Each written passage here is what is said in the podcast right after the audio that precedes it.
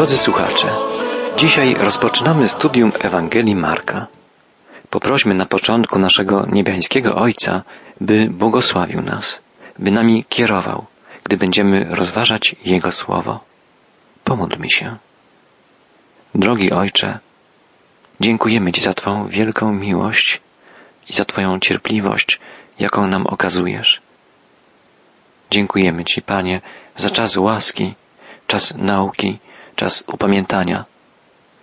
Prosimy, błogosław nas, gdy będziemy wsłuchiwać się w Twoje słowo. Otwórz nasze duchowe oczy i uszy, byśmy mogli usłyszeć Twój głos i dostrzec Twoją chwałę.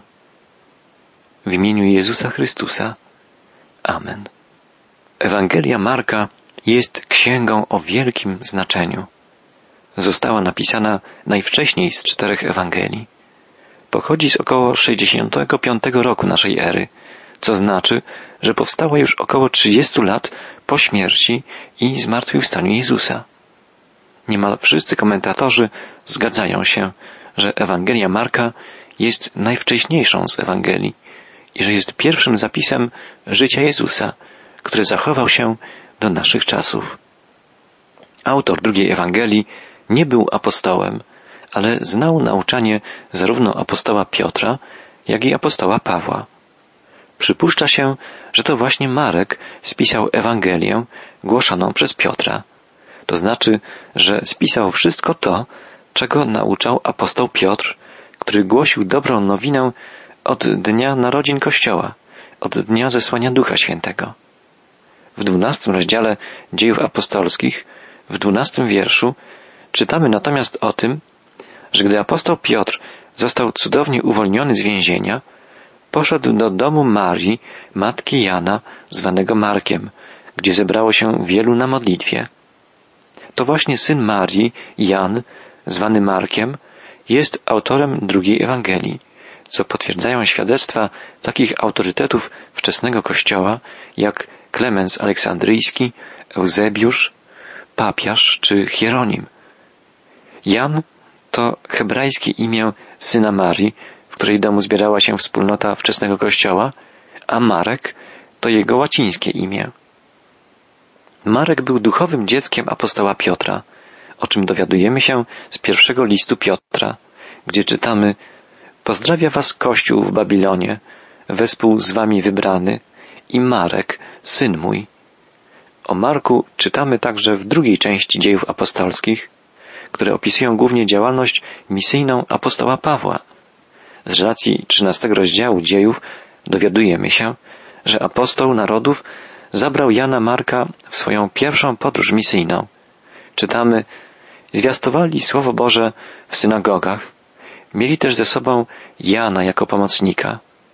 Mowa tutaj o Janie Marku i o Pawle i Barnabie. Barnaba był najbliższym współpracownikiem Pawła na początku jego działalności misyjnej, a Jan Marek był siostrzeńcem Barnaby. Wiemy o tym ze słów apostoła Pawła, które zapisane są w liście do Kolosan. Czytamy tam Pozdrawia was Arystarch, współwięzień mój i Marek, siostrzeniec Barnaby. Marek uczestniczył więc w pierwszej podróży misyjnej apostoła Pawła ale w trakcie tej trudnej i niezmiernie ważnej wyprawy młody Marek niespodziewanie opuścił Pawła i Barnabę i powrócił do Jerozolimy. Prawdopodobnie Marek nie wytrzymał trudów podróży. Kiedy więc apostoł Paweł wyruszał w drugą podróż misyjną, nie chciał zabrać ze sobą Marka, na którym już raz się zawiódł. Natomiast Barnaba uważał, że trzeba dać Markowi jeszcze jedną szansę i nalegał, żeby dołączyć jego siostrzeńca do zespołu misyjnego. Apostoł Paweł nie zgodził się na to i w efekcie tej różnicy zdań doszło do rozstania się Barnaby i Marka z apostołem. Nie oznacza to, że Markowi nie dano szansy na inną niż wyprawy misyjne działalność w Kościele. Z listów więziennych apostoła Pawła dowiadujemy się, że Marek był w końcowym okresie służby apostoła jednym z jego najbliższych współpracowników. Kiedy apostoł czekał na śmierć, wiedząc, że koniec jego życia jest bliski, pisał do Tymoteusza, człowieka, który był jego prawą ręką, weź Marka i przyprowadź ze sobą, bo jest mi bardzo potrzebny do posługiwania. Tak więc Marek, autor drugiej Ewangelii, służył pomocą najpierw apostołowi Piotrowi, a potem apostołowi Pawłowi. Spisana przez niego Ewangelia czerpie więc najprawdopodobniej zarówno z nauczania Piotra, jak i Pawła. Możemy powiedzieć, że opis faktów, wydarzeń pochodzi w Ewangelii Marka od Piotra, a objaśnienia, interpretacja od Pawła. Jednak bez wątpienia w większej mierze relacja Ewangelii Marka czerpie z nauczania apostoła Piotra, naocznego świadka życia i dzieła Jezusa Chrystusa. Druga Ewangelia zawiera materiał pochodzący z kazań apostoła Piotra, zapamiętany przez Marka. Możemy powiedzieć, że Ewangelia Marka pozwala nam podejść najbliżej do naocznych świadków życia Jezusa i słuchać ich relacji. Powiedzmy teraz kilka zdań o cechach charakterystycznych Ewangelii Marka. Ewangelia ta, w przeciwieństwie do Ewangelii Mateusza, zawiera bardzo mało nauk Jezusa, natomiast szczegółowo opisane są w niej czyny Bożego Syna. Relacja Marka jest zwięzła, bardzo realistyczna. Opowiada on o wydarzeniach z życia Jezusa z pozycji naocznego świadka. Korzysta bowiem z relacji apostoła Piotra. Opowieść Marka jest zbliżona do reportażu o życiu Jezusa. Marek nie komentuje wydarzeń, nie interpretuje ich szerzej, tylko relacjonuje. Przekazuje nam fakty z życia Jezusa w sposób najprostszy i najbardziej realistyczny, żeby ukazać nam Jezusa takim, jakim On był, gdy chodził po ziemi. Ewangelia Marka ukazuje nam w sposób bardzo wyraźny człowieczeństwo Jezusa. Inni ewangeliści nie przekazują nam tak wielu informacji o ludzkich uczuciach Jezusa, co Marek. Czytamy u Marka, że Jezus dziwił się niedowiarstwu ludzi, że litował się nad nimi, że wzdychał w duchu, pałał sprawiedliwym gniewem. Marek świadczy o tym, że Jezus bywał zmęczony, że potrzebował odpoczynku oraz że odczuwał głód. Marek przybliża nam postać Jezusa jako człowieka, podobnego do nas we wszelkich uczuciach i odczuciach. Ewangelia Marka ukazuje nam też wyraźnie boskość Jezusa. Marek rozpoczyna swoją opowieść słowami początek Ewangelii o Jezusie Chrystusie, Synu Bożym. Dla Marka Jezus nie był tylko człowiekiem żyjącym między ludźmi, ale był także Bogiem działającym pośród ludzi.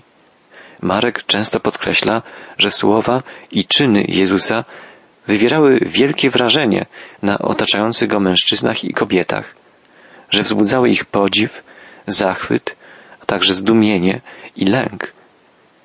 Już w pierwszym rozdziale Ewangelii Marka czytamy dwukrotnie i zdumiewali się nad nauką Jego. I zdumiewali się wszyscy. Następną ważną cechą charakterystyczną relacji Marka jest to, że ukazuje nam on Jezusa jako sługę, sługę żywego Boga. Ewangelista Mateusz ukazuje nam Jezusa jako króla, natomiast Ewangelia Marka jako sługę. W dziesiątym rozdziale Ewangelii Marka znajdujemy słowa samego Jezusa. Syn człowieczy nie przyszedł, żeby mu służono, lecz aby służyć i oddać swe życie na okup za wielu. Jezus jest sługą Pana, w którego imieniu tak prorokował Izajasz. Oto sługa mój, którego popieram, mój wybrany, którego ukochała moja dusza. Natchnąłem go moim duchem, aby nadał narodom prawo. Nie będzie krzyczał, ani wołał, ani nie wyda na zewnątrz swojego głosu. Tu mowa jest o słudze Pana. Jezus jest ukazany w Ewangelii Marka jako sługa. Adresatami Ewangelii Marka byli w pierwszym rzędzie chrześcijanie nawróceni z pogaństwa, zamieszkujący rzymskie imperium. Rzymianie, sprawujący w tamtym czasie władzę nad niemal całym cywilizowanym światem, reprezentowali polityczną i militarną potęgę, siłę, moc. Ich władza wydawała się nie do przezwyciężenia. Przyrównywano potęgę Rzymu do żelaznych kajdan niewolących wszystkie narody. Upadek moralny rzymskich władców wydawał się zwiastować upadek całej ludzkości. Jedynie Bóg, posyłając swego sługę, swego syna, był w stanie odwrócić bieg historii. Potędze ludzkiej, politycznej i militarnej przeciwstawiona została moc ducha, moc Boża. Apostoł Paweł napisał do Rzymian. Nie wstydzę się Ewangelii Chrystusowej, jest ona bowiem mocą Bożą ku zbawieniu każdego, kto wierzy. Ważną cechą Ewangelii Marka jest to, że zamieszczone są w niej pewne istotne szczegóły, których nie ma w innych Ewangeliach, a które pozwalają nam wyobrazić sobie, jak w rzeczywistości przebiegały wydarzenia z życia i działalności Jezusa i Jego uczniów. Na przykład, tylko Marek pisze, że podczas cudu nakarmienia pięciu tysięcy osób ludzie usiedli w grupach po stu i po pięćdziesięciu. Od razu cała ta scena staje przed naszymi oczyma.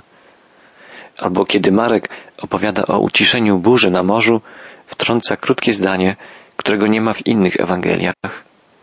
A on był w tylnej części łodzi i spał na wezgłowiu. Takie szczegóły, pochodzące od naocznego świadka tych wydarzeń Szymona Piotra, sprawiają, że niejako widzimy te fakty, te zdarzenia, niemal uczestniczymy w nich. Relacja ewangelisty Marka jest bardzo prosta, bardzo realistyczna i żywa. Marek często używa słów i zaraz, i natychmiast. Takie zwroty spotykamy w Ewangelii Marka prawie trzydzieści razy. Opisy Marka następują jeden po drugim. Jego relacja to relacja akcji, ruchu. Marek pośpiesznie dzieli się wydarzeniami, pragnąc, by dla innych były one tak autentyczne, tak żywe, jak dla niego. Kolejne wypowiedzi połączone są spójnikiem i. Marek opowiada podobnie jak robi to dziecko. Jezus uczynił to i to i zaraz potem jeszcze to i tamto. W taki sposób na przykład połączone są ze sobą aż 34 zdania w trzecim rozdziale Ewangelii Marka. Jest to bardzo prosty, bardzo żywy język kogoś, kto jest bardzo poruszony niezwykłymi wydarzeniami, o których opowiada. Gdy będziemy czytać Ewangelię Marka z zaangażowaniem, i my będziemy poruszeni, podekscytowani, bo jest to relacja o życiu najwspanialszej osoby w historii ludzkości. Jest to opowieść o Bożym Słudze, Bożym Synu, Zbawicielu świata, Jezusie Chrystusie. Czas już, by rozpocząć lekturę tekstu biblijnego. W początkowych wierszach Ewangelii Marka czytamy Początek Ewangelii o Jezusie Chrystusie, Synu Bożym. Jak napisano u Izajasza proroka. Oto posyłam anioła mego przed Tobą, który przygotuje drogę Twoją. Głos wołającego na pustyni. Gotujcie drogę pańską. Prostujcie ścieżki Jego. Zwróćmy uwagę, że Marek na samym początku nazywa Jezusa Synem Bożym. Ewangelia Marka ukazuje Jezusa jako niezwykłego człowieka, jako Bożego sługę, ale nie pozostawia także wątpliwości, że Jezus to Syn Boży. Marek cytuje na samym początku starotestamentowych proroków, Malachiasza i Izajasza. Podkreśla w ten sposób, że nadchodzącego Syna Bożego, Mesjasza, Chrystusa, poprzedzi, zgodnie z zapowiedzią proroków, Boży zwiastun, Boży głos, głos wołającego na pustyni. Gotujcie drogę pańską, prostujcie ścieżki Jego. Na pustyni wystąpił Jan Chrzciciel i głosił chrzest upamiętania na odpuszczenie grzechów.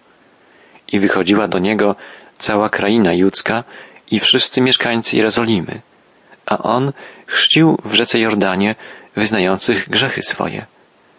A Jan miał na sobie odzienie z sierści wielbłądziej i pas skórzany wokół bioder i jadał szarańczę i miód leśny.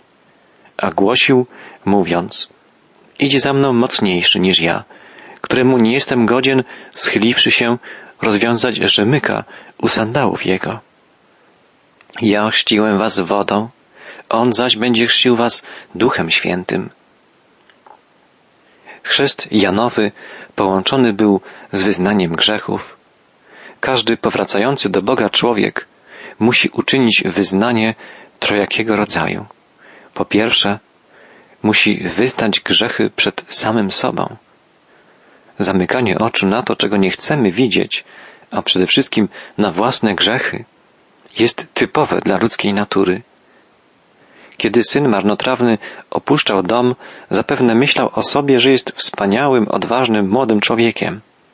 Zanim uczynił pierwszy krok na drodze powrotu do domu, musiał się sobie dobrze przyjrzeć i powiedzieć, wstanę i pójdę do domu i powiem, że jestem skończonym draniem. Nikomu innemu na całym świecie nie jest tak trudno spojrzeć prosto w oczy, jak sobie samemu.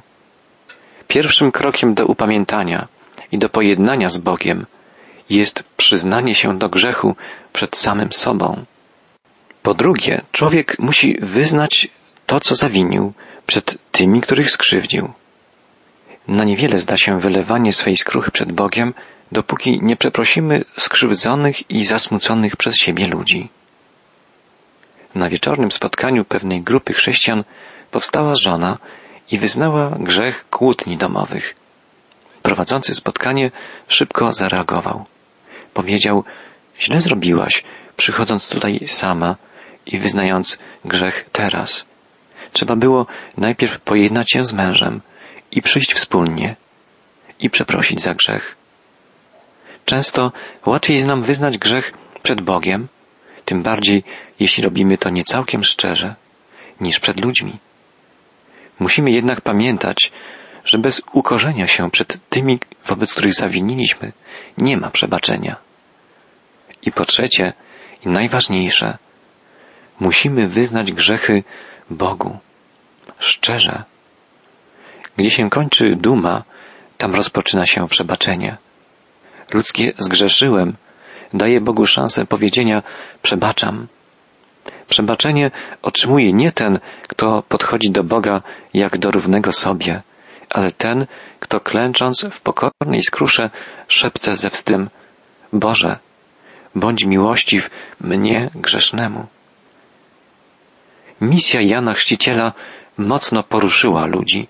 Całe tłumy wychodziły, żeby go słuchać i przyjąć jego chrzest.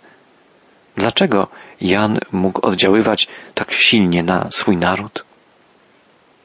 Przede wszystkim człowiek ten żył według głoszonej przez siebie nauki. Żył według słów, które głosił. Nie tylko słowa Jana, ale całe jego życie były protestem przeciw ówczesnemu stylowi życia. Jan nosił ubranie wykonane z sierści wielbłądziej, wokół bioder miał pas skórzany, podobnie ubierał się prorok Eliasz. Wygląd Jana nie przypominał współczesnych mu ludzi, lecz dawnych proroków, żyjących w prostocie i z dala od wygód. Jan jadał szarańczę i miód leśny. Oba słowa w języku oryginalnym można przetłumaczyć w dwojaki sposób. Szarańcza może oznaczać owady, ponieważ prawo zezwalało je spożywać. Albo też tak samo określano pewną odmianę grochu lub orzechów, tak zwany karop, pożywienie najbiedniejszych. Miodem mógł być rzeczywiście miód wytwarzany przez dzikie pszczoły, albo też rodzaj słodkiego płynu sączącego się z kory niektórych drzew. Dokładne znaczenie tych słów nie jest ważne. Pożywienie Jana, i to jest najważniejsze, składało się z najprostszych rzeczy. Takie było wystąpienie Jana.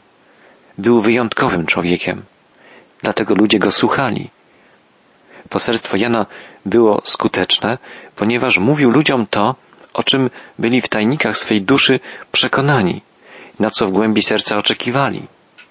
Naród izraelski w pełni był świadomy tego, że w ciągu ostatnich 300 lat nie było proroczego słowa.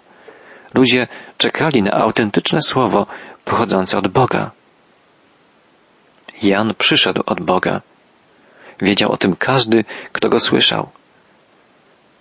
Jednym z powodów skuteczności posłannictwa Jana była także jego wielka pokora.